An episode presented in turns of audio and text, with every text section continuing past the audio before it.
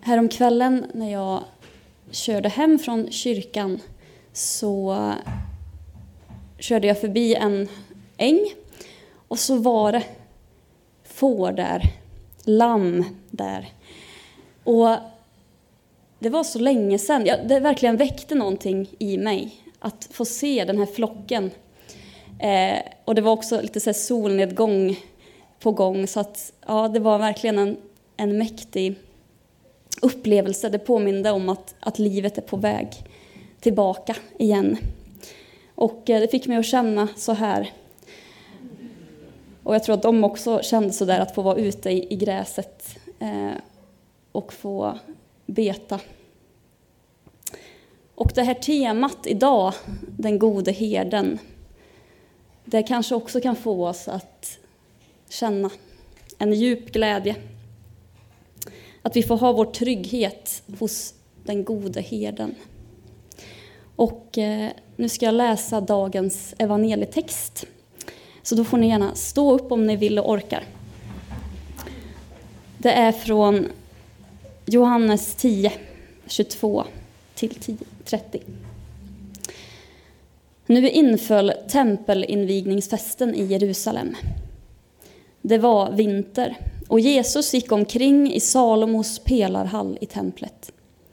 Då omringade judarna honom och sa Hur länge ska du hålla oss i ovisshet? Om du är Messias, så säg det då öppet. Jesus svarade Jag har sagt er det, men ni tror det inte. Gärningarna som jag gör i min faders namn vittnar om mig. Men ni tror inte, därför att ni inte hör till mina får. Mina får lyssnar till min röst, och jag känner dem, och de följer mig. Jag ger dem evigt liv, och de ska aldrig någonsin gå under, och ingen ska rycka dem ur min hand. Vad min fader har gett mig är större än allt annat, och ingen kan rycka det ur min faders hand. Jag och Fadern är ett.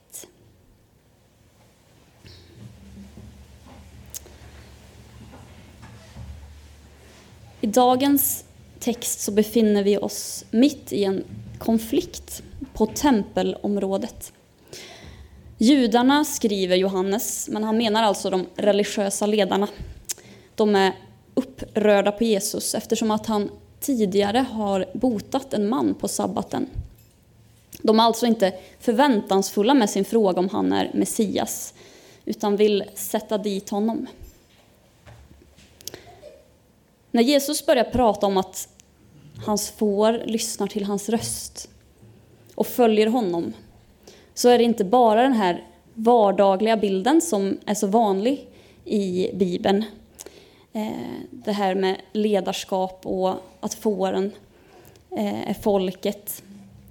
Och att den bilden används eftersom att det är en så vanlig, ett vanligt yrke på den här tiden. Utan Jesus gör något mer. Han hänvisar till eh, profet, profeterna och främst till profeten Hesekiel. I Hesekiel 34 så finns en profetia där herdar och får är centrum. Det är det som Jesus extra tydligt pekar på här. Och den första delen i den här profetian i Hesekiel 34, det handlar om Israels dåliga herdar som bara har tagit hand om sig själva. De svaga fåren har de övergivit och de ut, eh, utnyttjat de starka fåren. Och när herdarna inte tog hand om sina får så blev de utelämnade åt rovdjuren så att de skingrades över hela jorden, står det. Men det står också att en dag ska Gud avsätta de dåliga herdarna och själv ta hand om sitt folk, om sina får. De bortkomna ska hämtas hem från fjärran länder. De svaga och sjuka ska tas hand om, liksom de starka och välmående. Och en liknande profetia hittar vi i dagens gammaltestamentliga text från Jeremia 23, där det står att jag ska ge de nya herdar som ska valla dem, så att de inte längre behöver vara ängsliga eller rädda. Och ingen av dem ska komma bort, säger Herren. De dåliga herdarna de står för folkets före detta kungar. Men det handlar också om de här religiösa ledarna som inte förvaltat förbundet mellan Gud och Israels folk på rätt sätt. Rovdjuren, som det står om, är de nationer som plundrat och förstört och skingrat Israels folk. Men det står även om kung David som ska komma åter och valla jorden på Guds uppdrag. Och det är bland annat det här då som Jesus knyter an till när ledarna frågar om han är Messias. Att det är en av de många löften han kommit för att uppfylla. Den gode herden som det står om i de här profetiorna. Och att Jesus undervisar om detta på tempelinvigningsfesten i Salomos pelarhall i templet. Det förstärker det han säger. Ledarna förstår, det ligger underförstått, att han är den nya David, den nya herden, alltså Messias. Och de som omringade honom, de förstod nog också den här hinten om de dåliga ledarna, vilket upprörde dem ännu mer. De kunde ju inte förstå det här med att Jesus och Fadern var ett, utan såg det som en hädelse mot den enda guden. Något som ju inte kunde tolereras. Och det hårdnar ju allt mer ju längre fram i evangeliet vi kommer.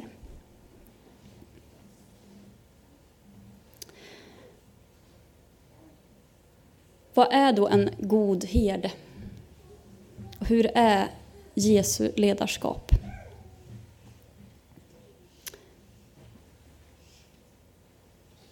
En god herde splittrar inte, utan samlar. En god herde skrämmer inte bort, utan ger trygghet. En god herde glömmer inte bort, utan ger fåren vad de behöver. En god herde lämnar ingen, utan ser till att alla är med. Ni kan säkert komma på fler goda egenskaper en herde har. Eller det som är nödvändigt att en herde har.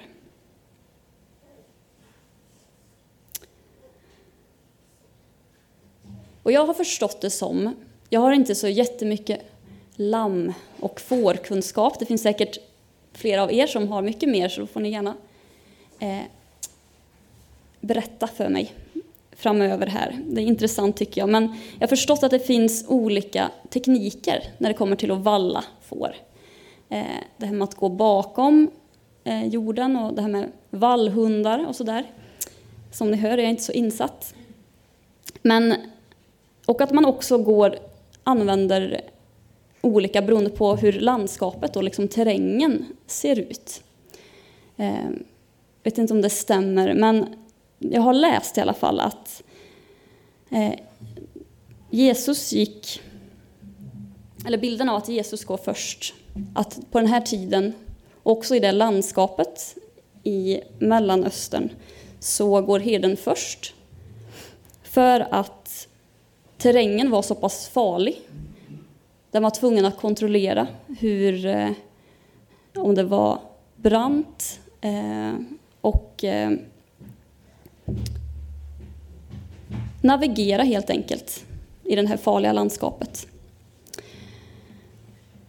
Och ibland så pratar vi om att Jesus går före oss och bereder plats för oss. Och det är en betryggande tanke när vi går in i någonting nytt och okänt. Att Jesus redan gått före. Och bilden av Israels folk och senare församlingen som får. Det är ju vanlig, en vanlig bild i Bibeln. Och även vi som individer kan ju identifiera oss själva som lamm i Guds famn. Många beskriver sin tro just så, att få vara ett får i Jesu jord, att det ger den här enkla tryggheten. Och ni har säkert sett den här bilden eh, på Jesus när han har eh, det förlorade fåret över sina axlar. eller när han håller ett lamm i sin hand. Den här tron som är en förtröstan och förvissning om att vara ledd och buren av herden i hans armar.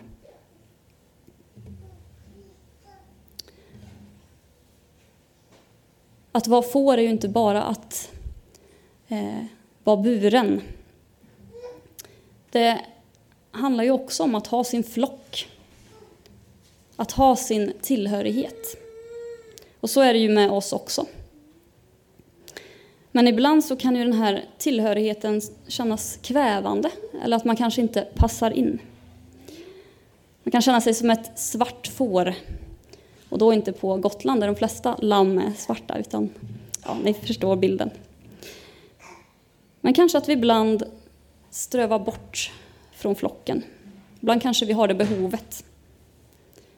Men ibland kanske vi går vilse och vi fastnar, fast vi inte vill. Men herden ger aldrig upp om oss, utan söker ständigt sina lamm. Och fåren förlitar sig ju på herdens röst och känner igen den. Och ibland så vill vi ha exakta ord. Eh, vi ber till Gud, berätta för mig vad jag ska göra i den här situationen. Säg något, eh, kom med något konkret, skriv något på väggen, gör någonting. Och ibland så kan ju Jesu röst vara så där tydlig i en eh, specifik situation. Men oftast är det lite mer subtilt.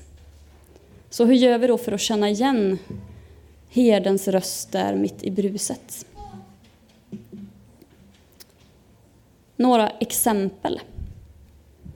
Kanske handlar det om att vi har en intuition, Jesu röst som leder oss med hjälp av Anden. Vi känner instinktivt igen vad det är som är gott för att vi har lärt känna honom. Och när vi tar tid i bön och bibelläsning då, och vi tar den tiden. Det är också viktigt att ge utrymme. Men även att vi tillsammans lyssnar. Och att vi läser och vi studerar och vi samtalar och vi ber och vi ber över ordet tillsammans. Idag så ska vi ju prata om gudstjänsten under fikat. Och de här olika delarna som Jonas nämnde, flödena som vi också har pratat om. De har ju olika syften. Samlandet då vi landar tillsammans inför Gud. Ordet då vi tillsammans får ta del av Guds ord och delandet då vi får dela en stund av tillbedjan och eftertanke. Att vi får be för vår värld. Och sändning då vi tillsammans går ut i världen. Det tänker jag är ett sätt också att eh, lyssna, att vi lyssnar tillsammans. Vart vi är på väg, vart, vart Gud vill leda oss vidare. Och idag så är det ju så oerhört Eh, polariserat i samhället. Det är så mycket motsättningar. Och även mellan oss kristna kan det vara det. Och vi behöver använda vårt förnuft som Gud har gett oss. Och även ta del av det som andra studerar. Och vi behöver fundera över hur Jesu röst låter. Och då inte exakt vad han säger, men hur hans ton är när han möter människor. För vi kan ha meningsskiljaktigheter som kristna. Och vi kan komma fram till olika slutsatser. Och det är svårt att förstå när vi följer samma Jesus. Men här tänker jag att det viktigaste är tonen som Jesus har när han möter människor. Och det är det vi ska följa. Och det är så vi ska möta människor. Med samma ton, med samma kärlek oavsett. Där ska vi ta efter. Och i Matteus 25 så säger Jesus att fåren, det är de som gör någonting för de minsta. De har gjort någonting för även Jesus själv. Jag var hungrig och ni gav mig att äta. Jag var törstig och ni gav mig att dricka. Jag var hemlös och ni tog hand om mig.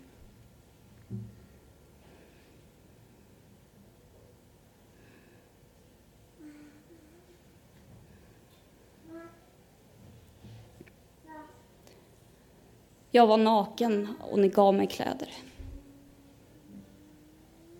Jag var sjuk och ni såg till mig. Jag satt i fängelse och ni besökte mig. Sannerligen vad ni har gjort för någon av dessa mina minsta, som är mina bröder. Det har ni gjort för mig. Att handla så är att lyssna till Jesu röst.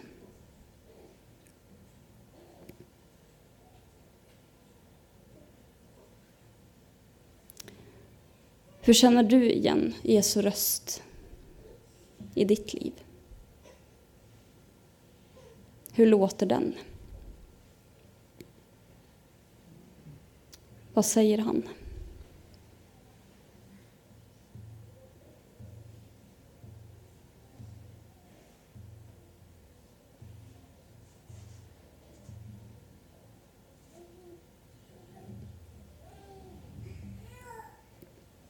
Till sist.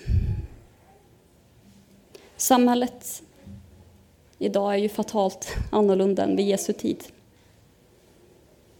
Men idag så delar vi fortfarande liknande mänskliga erfarenheter som det judiska folket delade på Jesu tid. Utsatthet, förvirring, frågor och tvivel.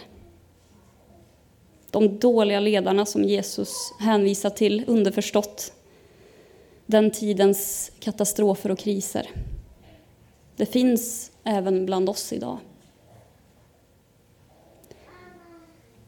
Men vi delar också folkets glädje, hopp och tro som är knutet till Guds löfte om det kommande riket. Och vi har fått lära känna Messias, Jesus. Och vårt hopp står till Gud och det eviga livet som är Faderns gåva till oss genom Jesus. Vi har en herde som leder oss och vill föra oss på gröna ängar. Även om vägen dit ibland är brant och svår. Men han har gått före. Och han går också efter och ser till att ingen fastnar i den där taggbusken för gott. Att lyssna till hans röst och följa den. Som personer och som jord. Det är en vila i den hand som ingen kan rycka oss ifrån. Amen.